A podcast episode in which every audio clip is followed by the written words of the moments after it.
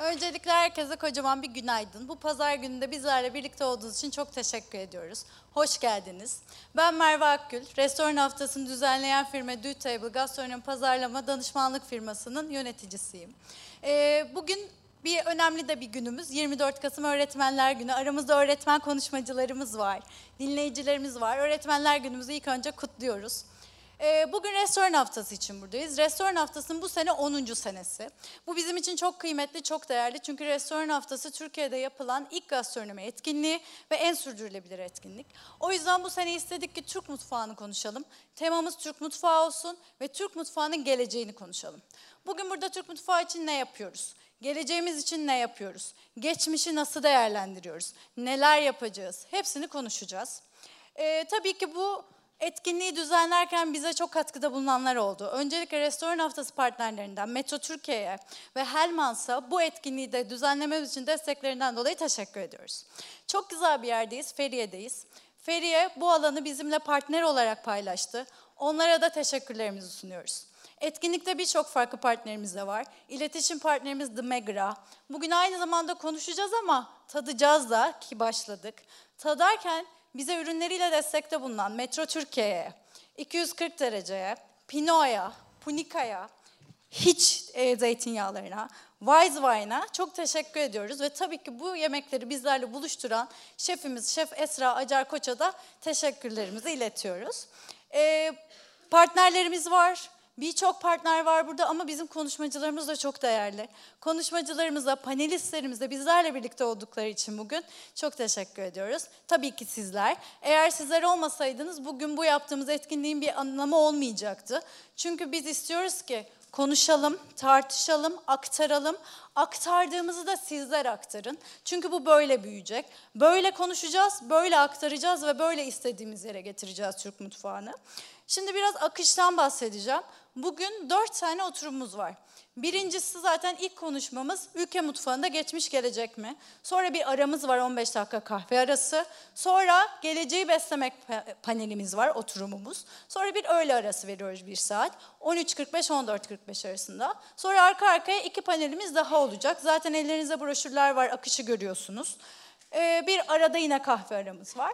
Bir de bugün bir atölyemiz olacak. Saat 14-14.30 arasında ki bu öğle yemeğine denk geliyor. Fakat 30 kişiyle sınırlıyız. O yüzden sizden ricamız ilk kahve arasında ismini yazdıran 30 kişi dışarıdaki deske girebiliyor olacak bu atölyeye. Bu atölyede zeytinyağı tadıyoruz, zeytinyağlı pişiriyoruz. Hiç zeytinyağlarının kurucusu Duygu Hanım ve şefimiz Esra Acar Koç ile gerçekleştiriyor olacağız. Ee, izninizle ben ilk panelimizi, panelistlerini davet ediyorum. Ee, birincisi moderatörümüz Ferhan İstanbullu, Özge Samancı, Seçil Demiral, Şemsa Denizsel, Ezel Akay, Nilhan Aras. Şimdi söz onlarda. Ee, umarım damağınızda ve akıllarınızda yer edecek bir etkinlik olur. Keyifli dinlemeler.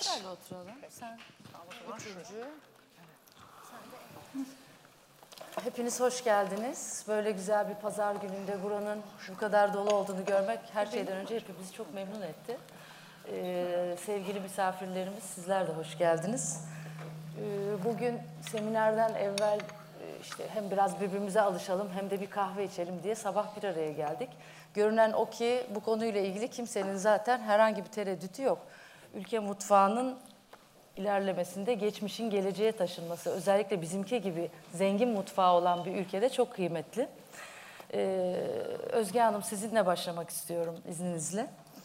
Tarih eğitimi almış, onun üzerine yemek kültürü üzerine de çok büyük çalışmalar yapmış. Çok kıymetli bir akademisyenimizsiniz. Ee, sizin akademik gözünüzle geçmişe bakmak neden önemli onu duymayı çok isteriz. Ee, herkese merhaba. Sesim geliyor inşallah. Ee, bu güzel e, paneli düzenleyen Do Table'a çok teşekkürler.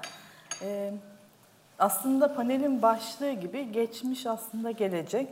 Şöyle, şu anki var olan mutfak kültürü geçmişten geliyor ve geçmişi araştırmak, işte kaybolan lezzetleri buluyorsunuz, teknikleri buluyorsunuz, değerleri buluyorsunuz, ekipmanları buluyorsunuz ve devamlılığı görüyorsunuz.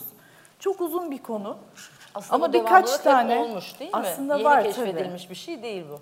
Yok mutfak kültürü birbirine aktar yani kuşaklar birbirine aktara aktara götürüyor ama değişimler tabii ki oluyor. Bu hani çok uzun bir konu klasik artık herkes öğrendi 19. yüzyıldan önce salçanın olmadığını 40'lardan önce çayın olmadığı vesaire ama Yok Özgü bazı, Hanım siz bu bilgileri paylaşın. Hepimiz bazı bilmiyoruz. değerler onları artık çok hani yaklaşık 2000'li yıllardan itibaren yemek tarihi Osmanlı yemek tarihi biz akademik olarak yayın yapıyoruz ama artık iyice popülerleşip daha fazla kişilere ulaşıyor.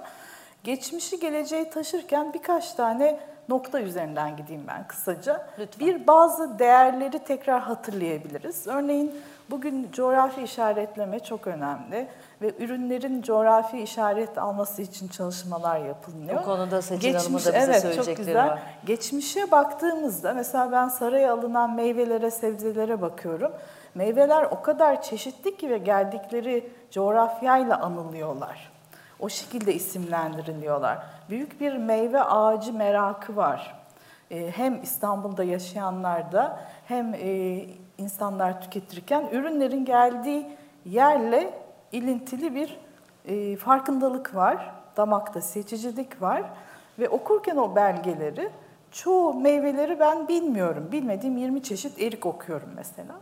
Bunların peşine düşülebilir. Şu anda o tohumlar var mı aranabilir. Onun dışında tabii ki artık herkes... Birincisi değerler bu De- şekilde izi Evet. takip edilmeli. Evet, başka bir iki örnek daha verelim. E, kısaca tabii ki mevsimsel beslenme ve mevsime saygılı beslenme. Bunu tekrar hatırlayabiliriz. Bu zaten geçmişte var. Bunun dışında bazı e, ekipmanlar, mutfak araçları e, tekrar gündelik hayatta kullanılabilir. Sizce Özellikle- öyle ekipmanlar var mı bugünün hızlı hayatına adapte edilebilecek geçmişten gelen? e, edilmeli. Bir Bir, örnek kere her şeyden miyiz? önce eğer Türk mutfağının e, doğasını e, uygulayarak üretmek istiyorsak o mutfağın matematiğini çözmemiz lazım. Yani biz bugün batı anlamında bir mutfak dizayn edip orada hiçbir ekipmanı ona göre hazırlamazsak atıyorum en basit oklava olmazsa, helva tenceresi olmazsa, demir tatlısı kalıbı olmazsa onu ne kadar doğru yapabiliriz?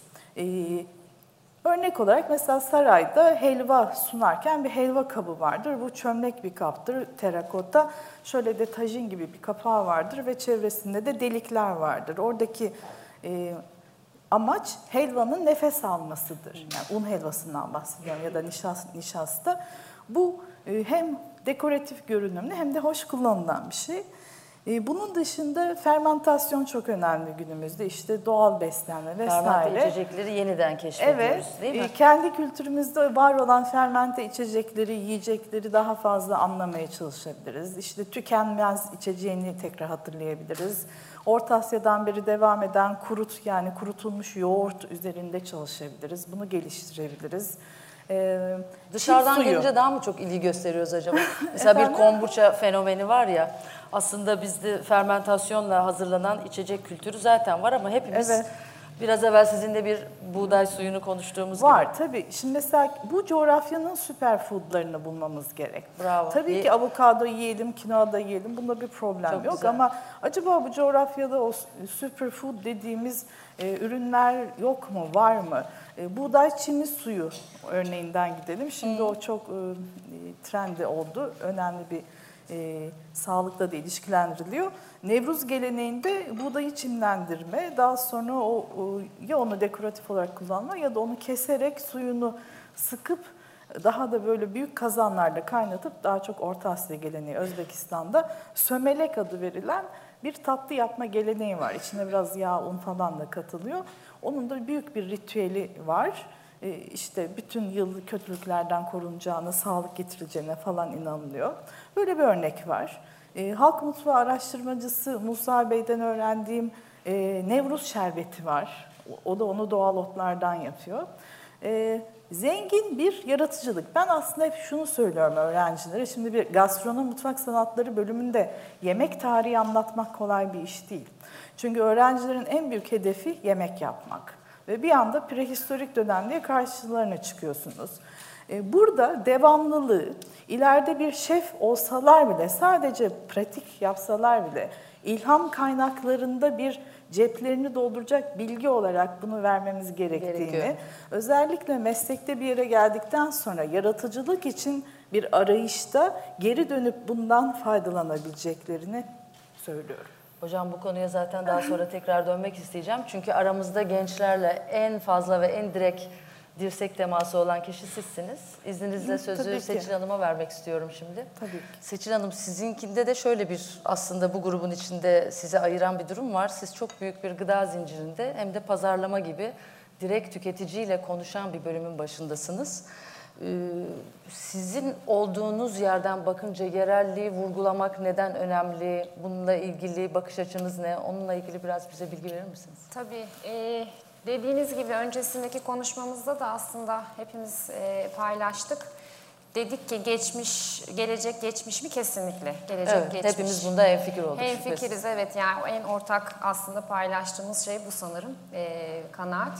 Dolayısıyla geleceği dizayn ederken, geleceği örerken, şekillendirirken geçmiş dediğiniz şey aslında dönüyor kendimize, özümüze, tarihimize, değerlerimize bakmayı gerektiriyor. E, biz çok gerçekten zengin bir coğrafyada yer alıyoruz. E, bunun farkında ve bilincinde olan bir şirket olarak da çalışıyoruz. Dediğiniz gibi ben burada aslında bir e, bir market zincirinin profesyoneli olarak yer alıyorum ama e, biz işe böyle bakmıyoruz aslında. E, sadece alıp satmaktan ibaret değil işimiz.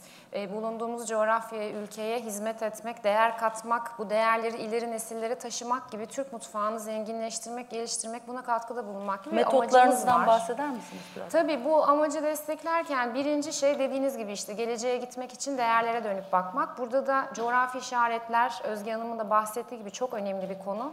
Ee, çünkü e, hem ekonomiye hem ülkenin gastronomisine e, hem üretime e, çok değişik kanallara dokunan bir, bir konu. E, coğrafyanın e, farklılıklarını, kendine özgü e, değerlerini, özelliklerini barındırabilen bir konu. Ama şöyle bir önemi var, şöyle bir ekosistemi var aslında bu işin. Bu iş sadece ürünü tescillemekten ibaret değil. E, ürünü tescillemek bu işin sadece aslında bir bacağı. Çok geniş bir ekosisteme hitap eden bir konu. Üretimden e, tohuma, malzemeye, e, bunları kullanacak olan restoranlara, tüketecek olan nihai tüketicilere dolayısıyla aslında tüm bu ekosistemle birlikte tüm kamuoyunu ilgilendiren ve bu yüzden de bu bilinirliğin çok çok yüksek olması gereken bir konu. Fakat bugün baktığımızda e, bu bilinirlik seviyesinin henüz istediğimiz noktada olmadığını görüyoruz. E, bizim de faaliyetlerimiz aslında biraz bu coğrafi işaretlerle 2011'den beri e, ilgileniyoruz, uğraşıyoruz, çok ciddi projeler yapıyoruz. E, bu burada dediğim gibi sadece bu ekosistemi destekleyip coğrafi işaretleri e, almak değil, bu ekosistemi besleyerek tüm yönüyle e, aslında tüm kamuoyundaki bu bilinirliği yaratmak amacımız. E, bugün işte bir taş köprü sarımsağı e, var olabiliyorsa bunu taş köprünün var olmasına borçlu. Kapıdağ mor soğanı olabiliyorsa Kapıdağ'ın coğrafi özelliklerine borçlu. Ve bu ürünleri biz e, ekonomiye katabiliyorsak, e, ticarileşmesini sağlayabiliyorsak e, bunların hepsi e, aslında bu ekosistemin farkındalık ve çalışmasına bağlı. Şöyle bir şey söyleyeceğim. E, bu konudaki potansiyelimizin büyüklüğünü anlatmak için. Bugün Türkiye'de yaklaşık 450'ye yakın coğrafi işaretli ürün var. Bir o kadar da aday ürün var. Fakat potansiyel 2500'ün üzerinde ve bu tüm Avrupa'nın aslında potansiyeline denk. Bugün Avrupa'nın e, buradan elde ettiği yıllık gelir, e, katma değer yaklaşık 75 milyar dolar yıllık. Dünyaya baktığımızda bu rakam 200 milyar dolarlara ulaşıyor. Ee, ve henüz biz tabii ki buraların çok çok çok gerisindeyiz. Ee, dediğim gibi potansiyelimiz de tüm Avrupa'nın toplamına eşdeğerde. Ee, bunun haricinde bir de şöyle bir rakam vereyim bir kıyaslama olması açısından. Bugün metro olarak biz evet raflarımızda e, 150 civarı, 150'den fazla coğrafi işaretli ürüne yer veriyoruz. Ve e, Metronun faaliyet gösterdiği yaklaşık 10 ülkeye de bu ürünleri ihraç ediyoruz ve şu an yıllık 10 milyon euroluk bir hacme e, ulaşmış durumda bu rakam. Ama baktığınızda potansiyel ve e, örnekler ve kıyaslamalarla baktığınızda ne kadar çok gideceğimiz yol olduğu e, sanıyorum e, belli oluyor.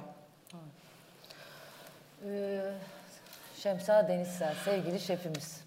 Çok uzun süre, çok önemli bir lokantacılık deneyimi yaşadığınızı düşünüyorum. Şimdi onu geri bırakıp başka bir e, bölüm açtınız hayatınızda. Fakat bu konuya baktığım zaman da, geçmişi geleceğe taşımada da sizin bulunduğunuz yerden, yani restoran kültürü açısından e, söyleyeceğiniz farklı şeyler olduğunu düşünüyorum. Ne diyorsunuz? Siz nasıl değerlendiriyorsunuz kendi bulunduğunuz yerden? Yani restoran, e, ben lokantacılık diyorum ona. E, lokantacılıkta nedir? İşte yani gidiyorsunuz, yemek yiyorsunuz. Bu yemeği size pişiren, servis eden ekipler var. Ve e, günümüzde aşçı olmak, modern şeyle şef olmak... e, Çok havalı. Çok havalı, aş- aşırı havalı. E, ama e, gidip yediğiniz şey tabii ki evden farklı bir şey yiyorsunuz. Ama bir şefin, aşçının... En azından o- onu bulmayı istiyoruz. Evet tabii ki doğal olarak yani kendi pişirdiğini ya, yiyeceksen niye lokantaya gidesin gibi bir şey de var doğrudur. Ama bir aşçının iyi bir aşçı olabilmesi için önce iyi yemek yediği bir evde büyümesi gerektiğini düşünüyorum ben.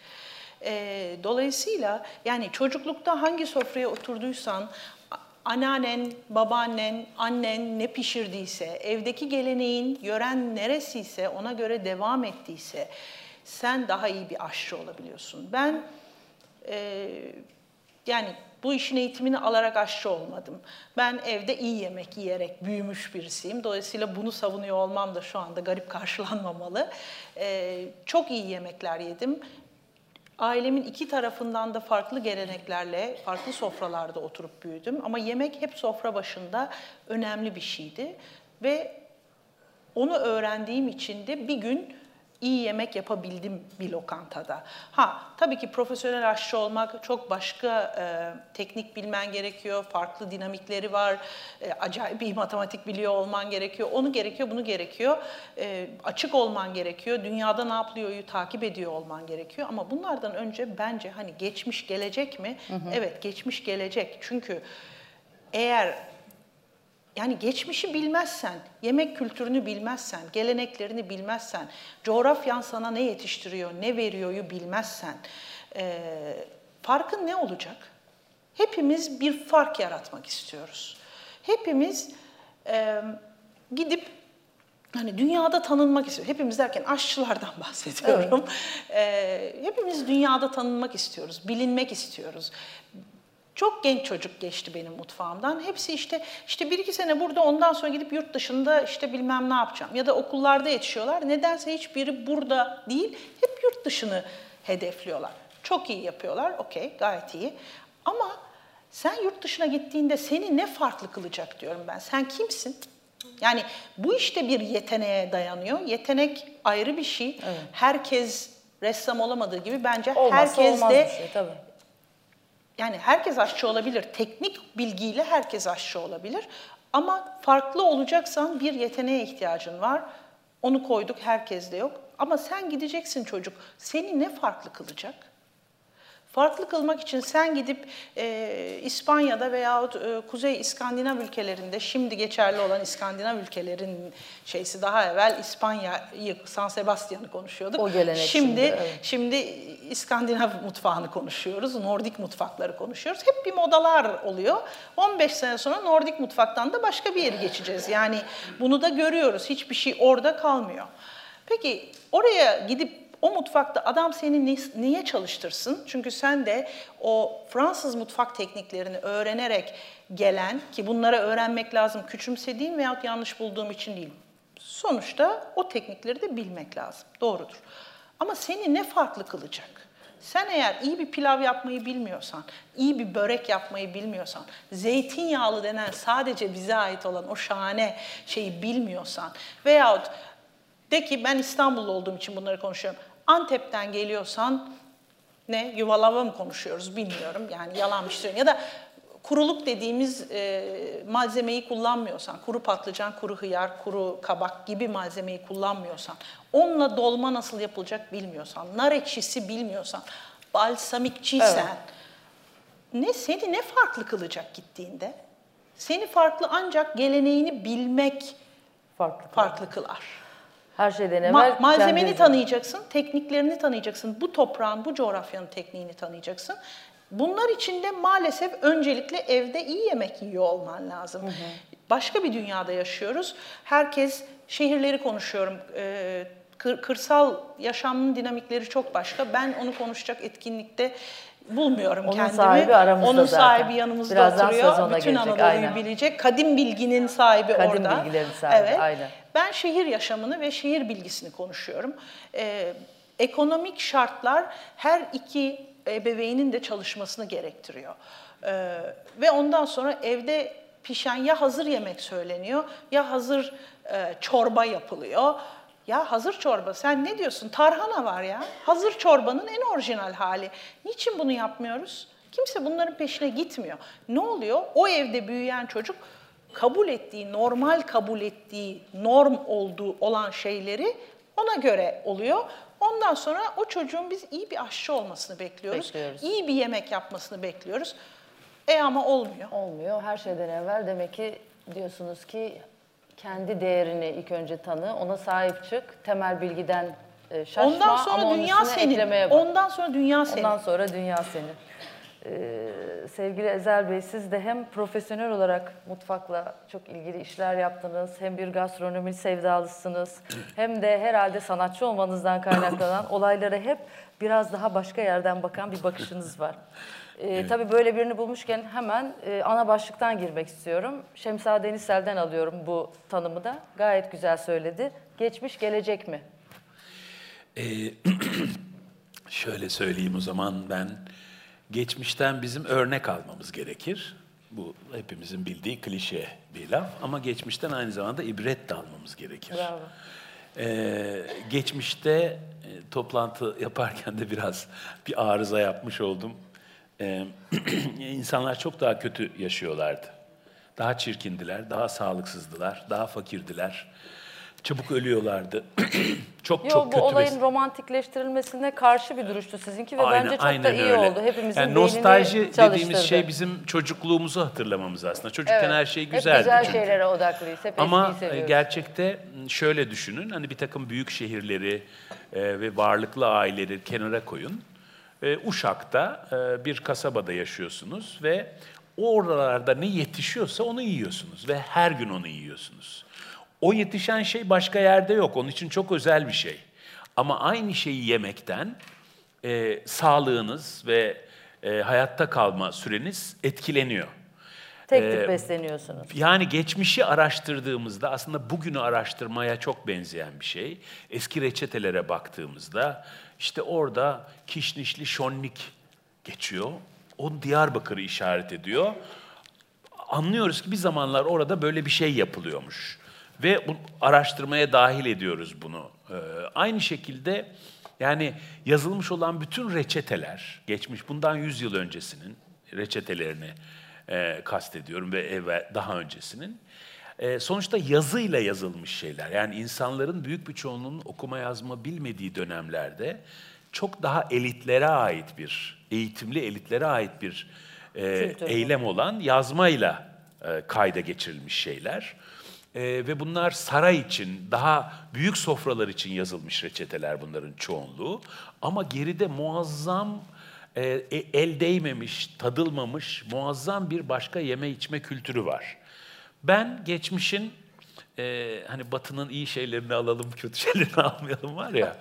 geçmiş araştırmasını hakikaten bugüne ve geleceğe faydalı, e, unutulmuş bir takım tarifleri bulmak için veya malzemeleri anlamak için veya bugün dedektif gibi bir malzemenin izini sürebilmek için çok değerli kaynaklar olarak görüyorum. Ama bence bir takım bunların içinde birçok şey artık kaybolmuş ve bir daha ulaşılamaz olacaktır.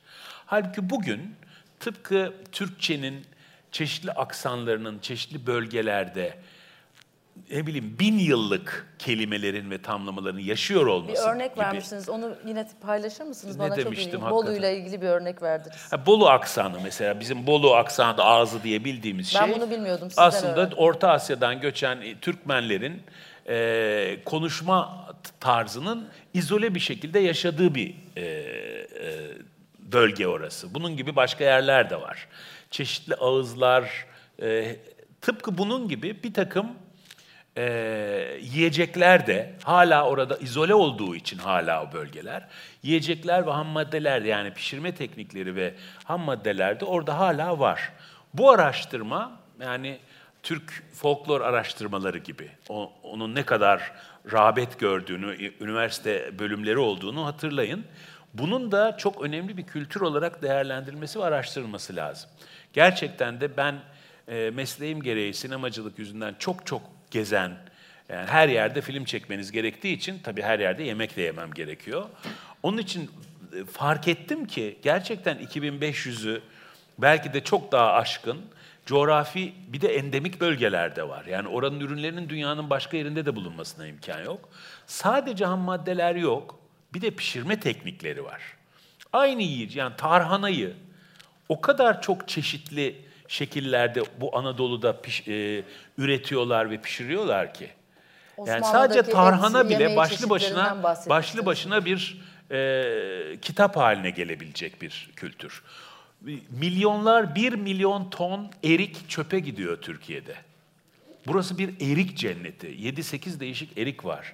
Ve Osmanlı mutfağı özellikle İran mutfağının etkisiyle, büyük ihtimalle İran mutfağının etkisiyle meyveli etli yemekler e, yapan bir mutfak. Ve mesela eriğin bir yığın kullanımı var. Erik salçası var. Erik ketçabı var. Mesela özellikle Kafkas ırkından gelenler, kültüründen gelenler, Gürcüler, Abazlar falan çok iyi bilirler. Ekşi, limon niyetine e, erik ekşisi kullanılır. Erik ekşitilir veya onun salçası yapılır. E, ve çöpe hani bir de kayıp bir e, ürün değil. Kayıp bir lezzet aslında bu. Yani elimizde o erik ağaçları. Bütün sokaklar erik dolu ve hepimiz bahar aylarında görürüz. Onlar böyle çalmazsan ki çalmak çok e, sevaptır yani onu söyleyeyim erik çalmak. Çok iyi bir cennete gidersiniz mutlaka. Yazık çünkü oradan bunlar düşecek yerlere. E, ben geleceğin e, kendi deneyimim yani bir meyhanem var ve orada ağırlıklı olarak Anadolu'dan toplanmış yani sadece Girit ve Ege asıllı mezeler değil Anadolu'dan toplanmış mezeler üzerine çok çalıştık. Ee, bu deneyimle başka bir şey keşfettim ben aslında. Belki geleceğin yiyecek kültürünün böyle olması gerekir özellikle Türkiye için ama dünyaya da önerilebilecek bir şey bu. Biz ne kadar çok çeşit yersek o kadar azla doyuyoruz. Ve ne kadar çok çeşit yersek o kadar atalarımızdan daha sağlıklı oluyoruz. Çünkü çok çeşit yemiş oluyoruz. Birçok e, ihtiyacımızı karşılamış oluyoruz. Onun için ben böyle küçük porsiyonlardan oluşan ama daha fazla sayıda gerekli e, her şeyi alabileceğimiz sayıda e, yiyecekle donatılmış bir sofranın geleceğin sofrası olacağını düşünüyorum. Şimdi aynı zamanda bu çok önemli bir eksiği, yani biz kapitalizmden tabii ki hakaret ediyoruz ama bir iki şey de öğrendik e, tüketilmeyen hiçbir şey üretilmiyor. Biz tüketmeye başlarsak ziraat canlanacak. Onu tüketirsek yani şu anda az üretilen, verimsiz diye düşünüldüğü için demin e, Funda bahsetmişti galiba bir mercimek türü. Onu tüketirsek o üretilmeye devam edecek. Onun ayrı bir yeri olacak.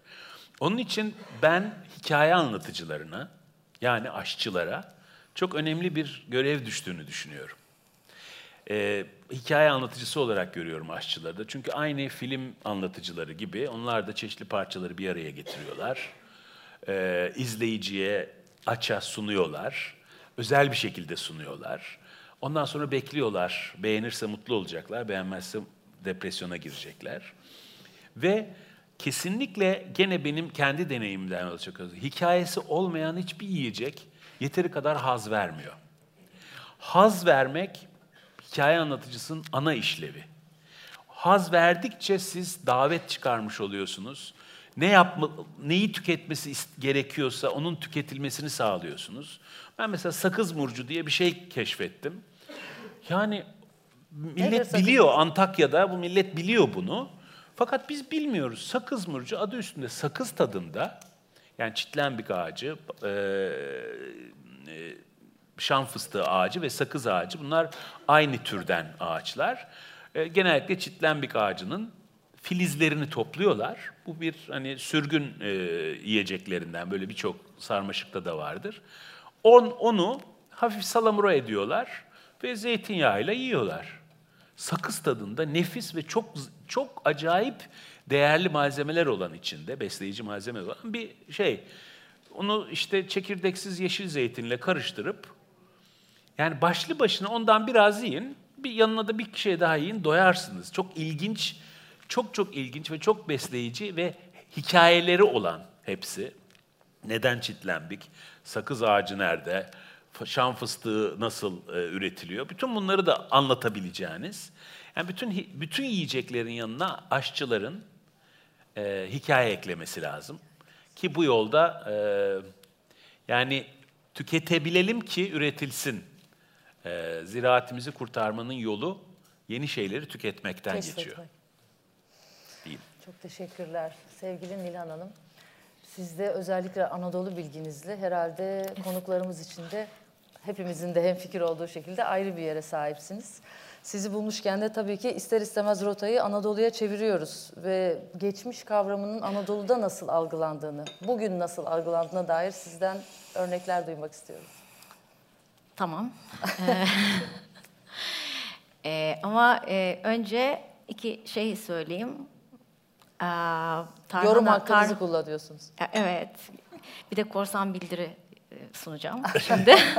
e, Tarhana'nın evet kitabı yapı kitabı yapılmaya değer bir ürün dediniz. Kitabı yapılıyor, bir iki ay içinde çıkacak. Bilginiz olsun, evet. E, hatta şeyde Gurman'da e, şey, Türkiye adayı olarak yarışıyor şu anda. Teşekkür ederiz. E, şey, hmm, Anadolu'da e, geçmiş a- kavram. evet An- Anadolu'da durum nedir? Kadının rolünden bahsetmiştim. Evet, e, Anadolu'da e, dünya böyle değil tabii orada, hayat böyle değil. Far- çok daha başka dinamikler var. Biz şimdi e, işte geçmiş gelecek mi, geçmişten bugüne taşıyalım mı, geleceğe gö- gönderelim mi, efendim nasıl sürdürülebilir yaparız, işte sıfır atık mutfak nedir, nasıl olur, e, en idealine nasıl kavuşuruz, bunları böyle oturup konuşuyoruz ya da yazıyoruz, çiziyoruz, araştırıyoruz falan. Onlar bunların bunun üzerinde düşünmüyorlar bile Anadolu'da. Ne kadın ne erkek, ne çarşı mutfağı ne ev mutfağı bunları düşünmüyorlar bile. Çünkü onların doğal hayatları bu. Ya onlar içgüdüsel olarak yaşıyorlar bunları. Yani bugün tabii ki şey dünya büyüdü, e, Anadolu'nun en ücra köşelerinden birinde ben e, bir yıldır, bir buçuk yıldır böyle en uç noktalara da gidiyorum. 19 yıldır dolaşıyorum Evet Anadolu'yu ama o seyahatlerinizden siz onun her, biliyorum mütevazilikle bahsetmiyorsunuz ama Anadolu'yu nasıl gezdiğinizden dair de bir küçük bilgi verirseniz izleyicilere. Köylere falan gidiyorum çoğunlukla. Ee, şeylere girmiyorum. Ee, işletme mutfaklarına çok zorunlu olmadıkça girmiyorum. Herkes yerini bilsin ben girmiyorum. Mutfağı sahiplerine bırakıyorum. Ee, ilgilenen arkadaşlarımız var. Evleri dolaşıyorum ben ve kadınlarla e, daha çok çalışıyorum. Ama tabii ki evde tüketilen her şey evde üretilmiyor. Ee, çarşıdan e, alınması, ya da çarşıda hazırlatılması gerekiyor. O zaman da çarşıdaki ustalara başvuruyorum. Ama çoğunlukla ben kadınla konuşuyorum ve e, evdeki şeyi hayatı döndüren de e, beslenme e, hayatını döndüren de kadın. Aslında evdeki aslında evdeki bütün hayatı döndüren kadın. Onu fark ediyorum o evlere giriş çıkışlarımda. E, yani iktisat e, ev idaresi demek aslında E, ve ucu da kadına dokunuyor. Eee on, onlar e, onlar zaten e, annelerinden, büyüklerinden görmüşler ki salatalığın koçanını bile, kabuğunu, patlıcanın koçanı, salatalığın koçanı gene ince ve şeydir, e, kolay çiğ olarak bile tüketilebilir, tüketilebilir bir şeydir. Patlıcanın o odunsu sapını bile kullanmaları gerektiğini öğrenmişler. Ve bugün hala onu yaşatıyorlar. Ne yapıyorlar Yaşatmak onunla? zorunda. Yemek yapıyorlar. e, Börkme var.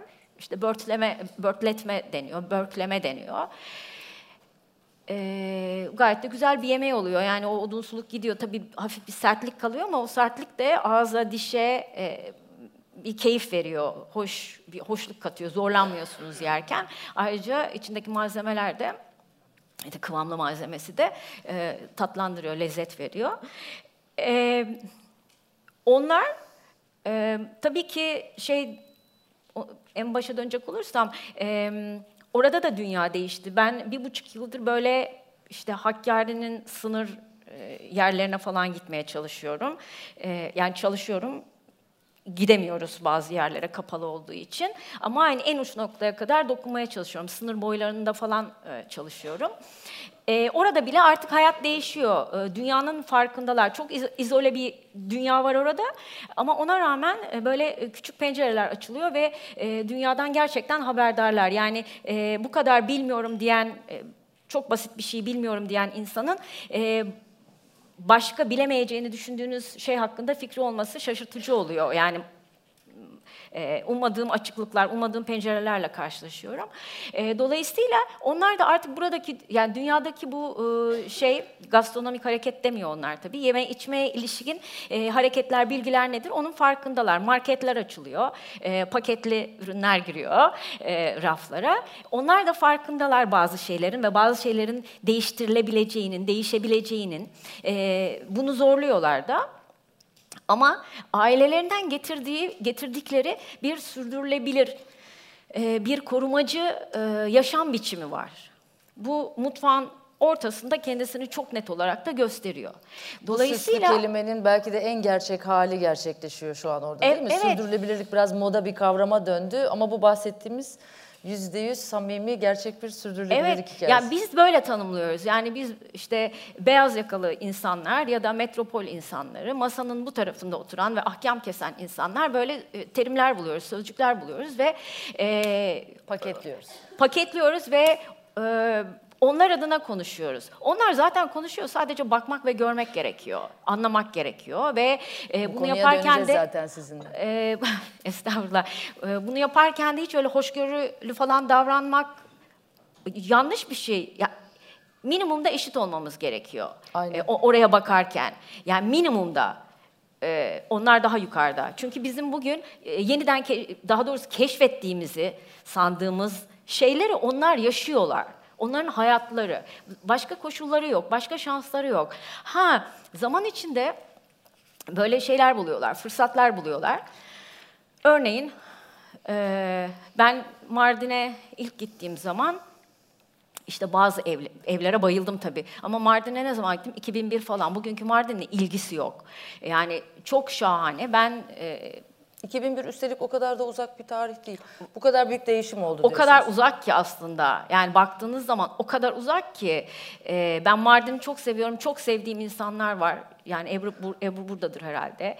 E, çok güzel aileler, çok güzel insanlar var. Her zaman giderim. Ama ben e, fiziki olarak gördüğüm, bugün gördüğüm Mardin'e gitmek istemiyorum. Ben arkadaşlarım, eşim, dostum için gidiyorum ya da bir şey, bir iş sebebiyle gidiyorum. Ama 2001'de gördüğüm zaman mutlaka herkes dünyada yani ölmeden önce yapılacak 100 şeyden bir tanesiydi Mardin'e gitmek. evet. Kesinlikle öyle güzeldi. Bu güzelliğin içinde evler de vardı. Ee, tabii ki şey geleneksel e, tasarım evlerde onlar. Ee, o günkü yapıldığı zamanın koşullarına göre, ihtiyaca göre düzenlenmiş evlerdi. Bugün o ihtiyaçların değişebileceği, daha doğrusu e, ihtiyaçlar aynı kalsa bile karşılanmasının değişebileceğinin farkında insanlar, kadınlar. Yani geçmiş algısıyla ilgili böyle bir değişim var. Evet, bir e, şey e, modern evler var ve kadınlar dedim ya bazı evler boşaltılmıştı yani yoktu ve orada bir problem yoktu yani güvenlikle ilgili herhangi bir problem yoktu. Tercihleri nedeniyle. Kesinlikle o, o geleneksel yapıdaki şahane yani içimin aktığı evleri bırakıp bizim bildiğimiz kutu gibi evlere girmişler işte yüksek binalı Orada evlere da girmişler. rezidanslar var. Kesinlikle. Ben çok e, şeyim tabii ki yani o zaman yani hala cahilim ama o zaman hiç gerçekten sıfır noktasında bir cahildim. Ee, niye yaptılar ya olur mu bırakılır mı dedim. Tabii romantik bakıyorum. Yani İstanbul'dan geliyorum ve her şey benim için çok romantik orada. gördüğüm ve yaşadığım, e, tanık olduğum şeyler hep öyle. E, orada bırakılmayacağını sanıyordum. Sonra fark ettim ki neden bırakılmasın ya? Kadın yemek yapmak için işte dışarıya çıkıyor, ocağı dışarıda, orada bir hayat var. Yani e, koşulları zor. E, su yemek yapmak için su ısıtmak zorunda. E, ne bileyim çocuklarını yıkamak için işte su ısıtıyor. ve- Ya, iptidai yöntemler var. E, kadın ama bugün benimle aynı yılda yaşıyor. E, diğer o kutu gibi dediğim ve küçümsediğim, gitmesini küçümsediğim evde ne var? Orada 24 saat su akıyor. Sıcacık. Yani e, yatak odasından çıkıyor. Yanında salon var. Onun yanında mutfak var. Her şey elinin altında. E, hiç terliğini çıkartıp ayakkabısını giymeden hareket ediyor. Sırtına bir şey almadan evin içinde dolaşabiliyor. Bir odadan odaya giderek işini görebiliyor çünkü. E, bunun dışında e, kendi üretimi kesinlikle olmalı. Yerel üretimi sonuna kadar destekliyorum ama problemlerin de farkındayım. Onu da e, nasıl romantize etmeden e, masaya yatırmak gerekiyor. Kendi üretimi var ama e, o yerli e, yerel üretim e, şeydi endüstriyel olmadığı için küçük ölçekli olduğu için e, büyük ölçekli üretimin koşullarına sahip değil. E, üretim refahına bu anlamda üretim refahına sahip değil. Çıkan e, sonuç da e, onu kullanacak kadını biraz zorluyor. Yani gıda dışında bir seçim yaptı kadın şeye gitti. e, eski evden yeni eve gitti ama gıdada da seçim yapmak istiyor. Markette şey rafta paketli pirinç görüyor. Neden onu almasın? Yani orada ekecek, biçecek, bir, bir yığın problemi var, ayıklayacak vesaire. Temizini alıyor. Karacadağ değil de Baldo alıyor. Ben ona ona hak veriyorum. Ee, çok haklı. Çünkü yaşam koşulları o. Ee, baldoyla yapmaya çalışıyor geleneksel yemeğini. Şimdi tam da burada e, başka bir noktaya, farkındalık noktasına gelmek gerekiyor ama galiba ikinci turda benim, yani şu anda bitti galiba konuşma ikinci Aynen, turda anlatırım biraz onu. Aynen. Aynen öyle. Ee, yani şey bizim buradan baktığımız gibi değil aslında Değil. oradaki hayat. Ayrıca şöyle de belki söylediklerinizi bir cümleye indirmemiz gerekse e, Anadolu'da yine kadının e, daha önde olduğu bir mutfak kültürü olduğunu varsayarsak o da aynen şehirdeki kadınlar kadar bir takım konforlara ulaşmak istiyor ve bunun getirdiği bir takım vazgeçişler söz konusu. Bunun dışında kimse kimseyi eleştiremiyor. Kesin kesinlikle. Aynen.